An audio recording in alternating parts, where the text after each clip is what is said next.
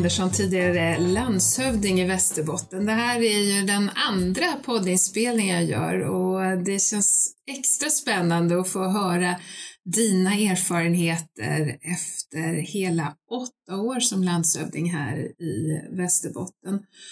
Och, men nu är du inte kvar här i Västerbotten utan du är tillbaka i hemmalänet i Jönköping. Kan du inte berätta lite vad du gör nu för tiden? Mm. Tack så mycket för att jag får komma hit. Först det är väldigt roligt att vara tillbaka eh, och, och, se huset och se omgivningarna och så. Jag lämnade ju för sista mars i en liten underlig tid får man väl säga, för det var ju mitt i brinnande coronabörjan. Mm. Eh, det hade börjat och, och, det var väldigt osäkert allting vad som skulle hända. Mycket möten på olika håll, både lokalt, regionalt och, och, och nationellt. Så. så det kändes ganska konstigt att lämna mitt i det, det som då var en form av kris som, mm. som, vi, som fanns här. Men Samtidigt så var det ju någonting som var bestämt. Eh, jag hade själv valt tiden jag skulle lämna och så, så att eh, då får man ju vara ganska trygg i att ja, men här finns bra medarbetare och det här löser man. Eh, och det har man ju gjort mm. på ett fantastiskt bra sätt och sen kom ju du också. Min, när jag kom hem till, till Jönköping så, så var det ganska bra första månaden. För då hade jag jättemycket flyttkartonger. Jag hade 54 kartonger som skulle packas upp. Så, så jag ägnade den tiden åt, åt detta. Mm. Eh, och sen tror jag det var ett ganska bra val att, att lämna i under en vårtid som mm. det ju blev. Eh, för sen har känns det, det känns faktiskt fortfarande som att jag har en ganska lång ledighet. Mm. Jag är ledig och snart ska jag igång igen och börja arbeta eller någonting. Mm. Så eh, det tar lite stund tror jag att landa in. Mm. Men eh, det känns fortfarande bra. Mm. Eh, jag läser fortfarande Västerbottens-Kuriren förstås. Ja. Eh, eftersom jag också läste Jönköpings-Posten under de åtta år jag bodde här. Så har jag de här dubbla tidningarna. Mm. Så det är en liten avvändnings period nu. Mm. Men när du var eh, landshövding här i Västerbotten så hände ju så otroligt eh, mycket. Du hade också några kriser som eh, skogsbränder och det var varsel och det var mycket som hände men också väldigt positiva saker som kulturhuvudstadsåret. Och vad är ditt starkaste minne av de här åtta åren? Jag förstår att det är många minnen. Oh, det finns så många minnen mm. och jag har svårt att säga vilket som är det starkaste eller bästa eller sådär, utan det, det är ju, det är ju alltså, jag tror, men egentligen så är det nog människor. Mm. Det är alltid människor, man landar tillbaka i människor, de möten man har haft. Om man har varit på ett, ett företag och träffat en, en brinnande entreprenör som berättar om eh, någon, någon ny innovation eller någonting som man känner att ja, men det här är bra för alla. Mm. Eh, så bär man med sig det väldigt mycket. Eh, det kan ju också vara en, en, en naturupplevelse som sitter väldigt starkt. Eh, eh, för mig är Västerbotten väldigt mycket människorna, men det är också det är maten, mm. Mm, det är naturen och det finns här runt omkring, det finns så enormt mycket att göra och så mycket att, att upptäcka och uppleva så att det, det är svårt att välja det, det allra bästa. Men du ringer in lite det som mm. är Västerbottens själ på något sätt. Det är ett entreprenörslän väldigt mycket och det är också ett författarlän som, mm. som är, men det är också ett matlän. Det är fantastisk eh, mat och framförallt råvaruproduktion här. Men eh, jag tänker, du har också varit väldigt engagerad i jämställdhetsfrågorna mm. och inte minst kopplat just till entreprenörskap. Säg någonting som du tycker var viktigt med det här, att lyfta kvinnor framför allt. Jag tror att ju mer man lyfter eh, kvinnor, man, man lyfter entreprenörskap, man lyfter företagande och man lyfter betydelsen av detta, eh, så hjälper man andra att växa. Mm. Mm. Eh, det, behövs, det behövs starka förebilder i allting. Det behövs förebilder som säger ifrån i olika sammanhang och det finns förebilder som, som visar positiva vägar framåt. Eh, så det har varit väldigt viktigt för mig. Och, sen, och jag tror, eh, en, jag gjorde ehm, eh, jag bestämde mig för att, att jag ville göra lite tema utav eh, sånt som, som, eh, som jag, till exempel så var jag ute och besökte företag som hade miljöanknytning. Mm. Mm. Eh, jag tänker, men för då får jag en större, bredare kunskap om vad har länet att erbjuda. Mm. Mm. Och då kan jag berätta för alla besökare som kommer hit att vi har det och det och det och detta inom det här enormt viktiga området. Ja. Eh, jag har också haft den här träffen med, med, med kvinnlig, kvinnor på ledande positioner eh, som är så viktigt att fortsätta att ha. För ju mer nätverk man har och ju mer människor man lär känna och att knyta ihop människor med varandra. Jag tror att det är en, en av de här viktiga bitarna man har som landshövding. Dels så är man ju chef över en myndighet med allt mm. vad det innebär då förstås. Men också det här brobyggandet, nätverksbyggandet och allt vad det kan innebära. Ja, men precis. Och det är ju någonting som mm. jag hoppas att kunna ta vidare är just det här, mm. både att jobba med de här nätverken med, med kvinnor i ledande mm. positioner men också att stötta kvinnliga entreprenörer och de som vill starta företag. För jag tror i den tid vi lever nu också i, det är en väldigt stor omställningstid där vi ska klara av hela klimatomställningen, men det blir också en påverkan efter den här mm. pandemin, mm. tror jag. Att vi, vi vill se nya hållbara sätt att leva. Jag tror Västerbotten kan verkligen gå i bräschen för det här och vi har ju nu den stora etableringen av Northvolt i mm. Skellefteå som mm en sådär väldigt stor händelse. Och det händer väldigt mycket. Vad tror du om Västerbottens möjligheter för framtiden här? Vad är styrkorna för att kunna möta de här stora utmaningarna vi har? Klimatutmaningen men också hälsoutmaningen att se till att, och, att, och också den sociala utmaningen att människor kan leva bra liv oavsett mm. om man bor i stad eller på landsbygd eller till och med glesbygd. Möjligheten är ju precis som innan, det är människorna. Ja. Mm, hela tiden återkommer vi till det. Men man måste också ge människorna möjligheter. Mm. Eh, och det handlar ju det handlar ju om, om infrastruktur på alla de sätt. Det handlar om eh, bra fiber. Mm. Man ska kunna komma åt det. Jag är lite bekymrad för det här med posten. Mm. eller Postnord, eh, utdelningen. Eh, om man nu drar ner på så man inte får Eh, flera dagar eller alla dagar i mm. veckan. Eller om man säger att ja, men när det är för långt till den, den boende mm. så kommer posten inte att kunna eh, leverera dit.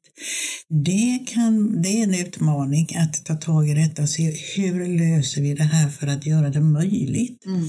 att leva på landsbygd. För Västerbotten är ju väldigt mycket landsbygd. Mm. Eh, människorna bor vid kusten mm. mm. och sen är det inlandet och sen är det glest i fjällvärlden. Men vi vill ju ha en levande fjällvärld. Vi vill ha en levande skogs och inland också. Och det gäller att hitta möjligheterna där. Mm. Så det tror jag är någonting, det blir någonting för dig att, att bita i tillsammans med andra. Eh, men, men sen kommer det att finnas så mycket möjligheter för det finns så mycket kraft. Mm.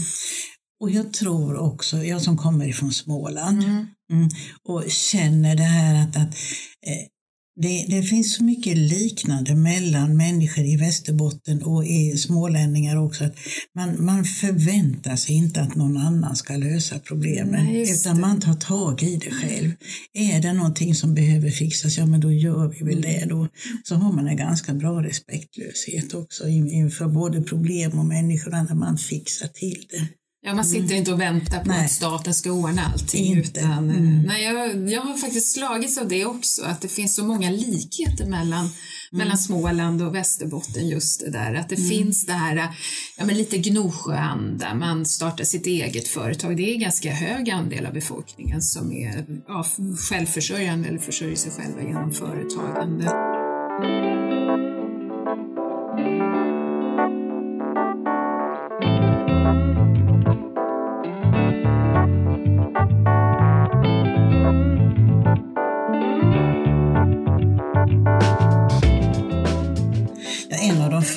Besöken jag gjorde i Västerbotten var vi åkte till, till, till eh, Åsele ja. och en liten by som heter Gafsele mm. med 200 invånare. Det var inte många som bodde där. Och berättelsen i Gafsele var ju helt fantastisk. För, för det första så, så hade vi bara en kvinna då som hade så mycket drivkraft i sig som allra helst. Och hon, hon berättade med den största stolthet i världen.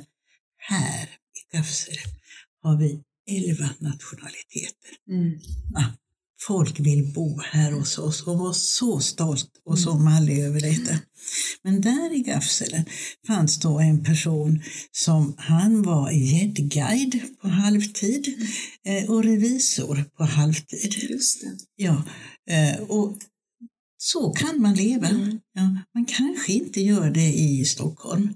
Och man gör det kanske inte i Jönköping där jag bor heller nu, men man gör det i Gafsele, mm. i Åsele, i, i Västerbotten och det funkar jättebra. Mm.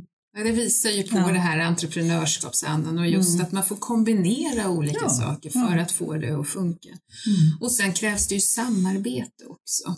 Och tycker du att du såg många bra exempel på hur man samarbetade för att hitta lösningar eller finns det mer att göra där? Det finns alltid mer att göra. Man är aldrig färdig. Nej. Nej, den som tror att man är färdig, den har missat någonting tror jag. Ja, mm. Det finns alltid mer att göra. Men jag, jag tycker nog, och framför allt är det ju i de, i de mer glesbefolkade kommunerna där man ser mer samarbete mellan människor hela tiden. Men man ser också samarbete, tycker jag, mellan kommuner mm. eh, som är viktigt. Och det här det är också någonting man kan vara med och försöka ha lite olja emellan mm. Eh, för att hjälpa till att, att man kan se möjligheter att, att arbeta tillsammans, både näringsliv, organisationer, civilsamhället och, och, och offentliga sektorn. Mm. Vi behöver varandra, vi får dra åt samma håll.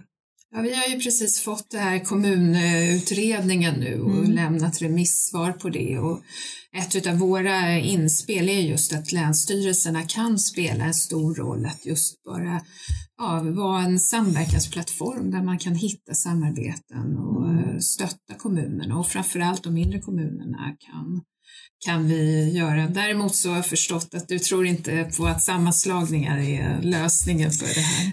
Nej men det låter ju enkelt med mm. sammanslagning, det gör det. Men, men faktum är att ytan blir inte mindre. Det blir, avståndet är precis lika långt mm. till, till eh, fru Agda någonstans som behöver hemtjänst. Mm. Ja, eh, så, så, bilen måste gå alla de där milen i alla fall. Däremot så tror jag ju att man kan samverka mellan kommunerna mycket, mycket, mycket mer och så. Och att det är glad att höra, höra eh, ditt eh, resonemang om, om Länsstyrelsens roll här, för jag tror också att, att Länsstyrelsen kan upplevas, eller är ju också som en, en neutral arena mm. eh, som alla kan känna att ja, men, eh, då har man inte tagit ställning för eller emot eller politiskt åt det ena eller mm. andra hållet eller så, utan man är en arena för alla. Eh, och kan man då vara smörjmedlet eller hjälpande handen där så är väl det väldigt bra. Mm. Och ditt det här som du säger att det är människorna som är helt mm. avgörande för framgången. Du mm. instiftade också någonting som hette vardagshjältar, eller mm. heter vardagshjältar. Mm. Nu var vi tvungna att ställa in det här på grund av corona. Det skulle annars ha delats ut här i oktober. Ja. Men, men berätta, vad, vad var din tanke bakom det här? Ja, men min tanke är att, att vi är så väldigt bra på att, att lyfta fram eh, människor som de allra flesta känner igen. Mm. Det kan vara idrottsmänniskor eller företagsledare eller landshövdingen eller vem som. Men det finns ju så många människor som gör så enormt mycket nytta i det lilla, i vardagen, eh, som, som gör så mycket som, som är till glädje för så många men som ingen säger någonting om eller som man inte pratar om utan de liksom bara finns där. Alltså det kan ju vara den här mannen som hela tiden hjälper till, det här lilla idrottslaget, han bär trunken, eh, drar hem kläderna, tvättar en gång i veckan och så tillbaka och, och, hjälper, och gör detta år efter år. Mm.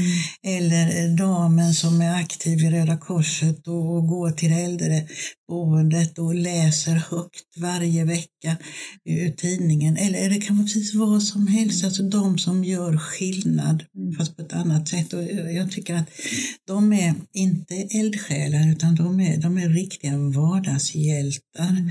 som, som gör något. Och jag tänkte de skulle man vilja uppmärksamma.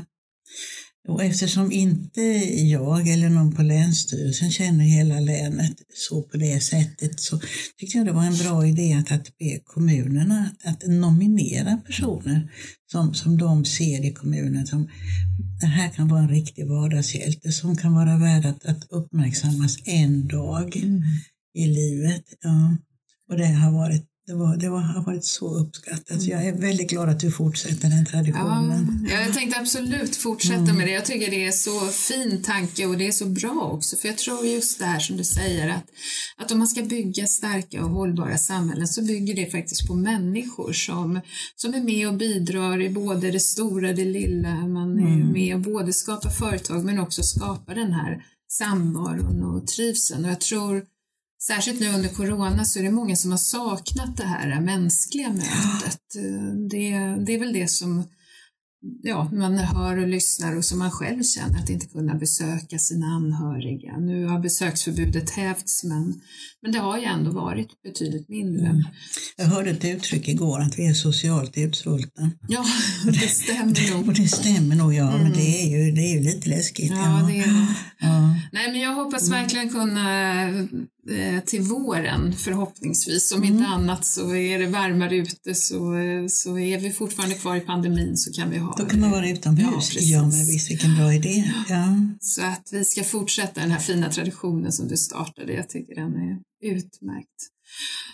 Och eh, till sist då, när du ändå måste välja någonting från Västerbotten, vad, vad är ditt allra bästa minne eller det som du tycker att du vill ta med dig eller berätta nu för, för oss om, om din tid här. Du är ju faktiskt en av de landshövdingar som varit längst. Mm, mm. Eh, det är så svårt att säga bästa minne. Det är jättesvårt, men alltså människor är det ju hela mm. tiden, olika möten man har haft. Eh, jag har ett, ett av de starkaste minnen jag har, det är inte det bästa, men ett av de starkaste minnen jag har, det är förra året. 2014 vet ni. Det, det var då planet eh, kraschade. Ja, 2019, ja, precis. Ja. Mm, 2019, den 14 mm. eh, juli. Mm. mm. Då kraschade eh, det här planet. Och det berörde ju förstås hela mm. Umeå. Gick, staden gick i sorg mm. på något sätt. Men det som hände då, och det hänger ju också ihop med det här människor. Jenny Eriksson som inte alls, hon var inte fallskärmshoppare, hon kände inte en enda hoppare, hon absolut ingenting, utan hon är en, en, en polis, den varmaste hjärtat man kan ha, eh, som alldeles frivilligt på egen hand satt igång och, och, och göra en, en, en, en manifestation. Eh, som jag fick också möjlighet att vara med på. Så att i Döbens park så, så samlades då, då söndagen efter eh, nästan 2000 personer mm. för att visa sympati och empati med, med eh, de anhöriga över detta. Och det var Jenny som ordnade mm. detta. Alltså det är ett så starkt eh, minne i detta. Som ju inte på något sätt alls är, är, är det bästa, men, men starkt. Mm. Annars så skulle jag vilja säga att eh, flygtur i helikopter över Stekenjokk. Ja. Ja, eh, att se de fantastiska eh, naturbilderna där. Jag har fått chansen att se, att se fjällräv i verkliga wow. livet. Ja, bara det, det är helt, helt, helt underbart. Kungsörnsbo eh, och detta majestätiska som finns. Det är starkt. Mm.